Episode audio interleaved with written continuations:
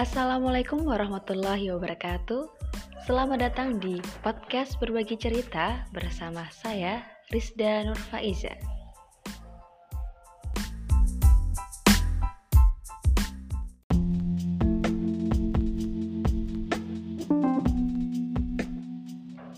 Jadi podcast berbagi cerita akan menemani kalian semua para jomblo visabilillah tentunya dalam bersabtu malam di rumah saja sambil mendengarkan kisah-kisah teladan dan kisah-kisah inspiratif. Selamat mendengarkan.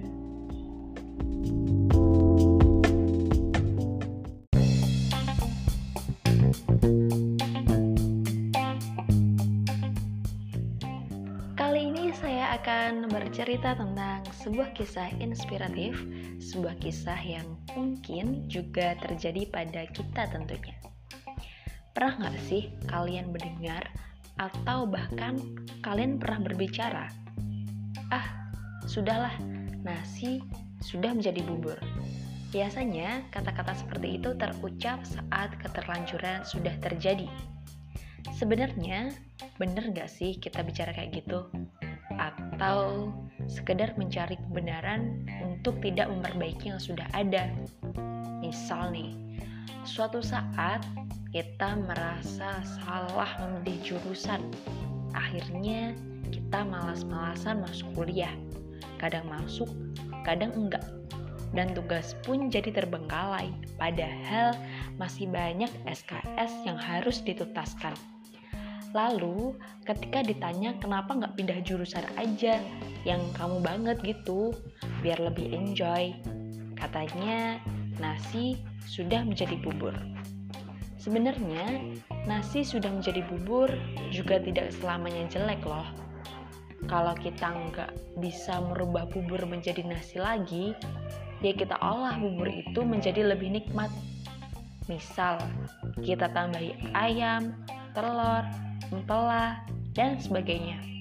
Ini hanya perumpamaan saja ya. Maksudku, permasalahan ini tergantung dari diri kita sendiri, bagaimana menyikapinya, bertahan atau pergi. Lalu gimana caranya agar nasi yang sudah menjadi bubur itu tidak sia-sia, tapi malah menjadi makna? Yang pertama, coba ikhlas menerima apa yang telah menjadi takdir kita. Berprasangka baik sama Allah kalau apa-apa yang telah ditetapkannya adalah yang terbaik. Tahu nggak sih kalau di dalam Al-Quran surat Al-Baqarah ayat 216 Allah berfirman Boleh jadi kamu membenci sesuatu padahal ia amat baik bagimu. Dan boleh jadi kamu menyukai sesuatu padahal ia amat buruk bagimu. Allah mengetahui sedang kamu tidak mengetahui. Nah, dari ayat ini, keyakinanku bertambah bahwa Allah sudah mempersiapkan yang terbaik untukku.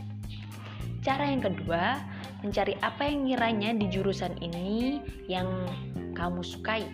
Nah, kalau sudah ketemu, lalu tekuni.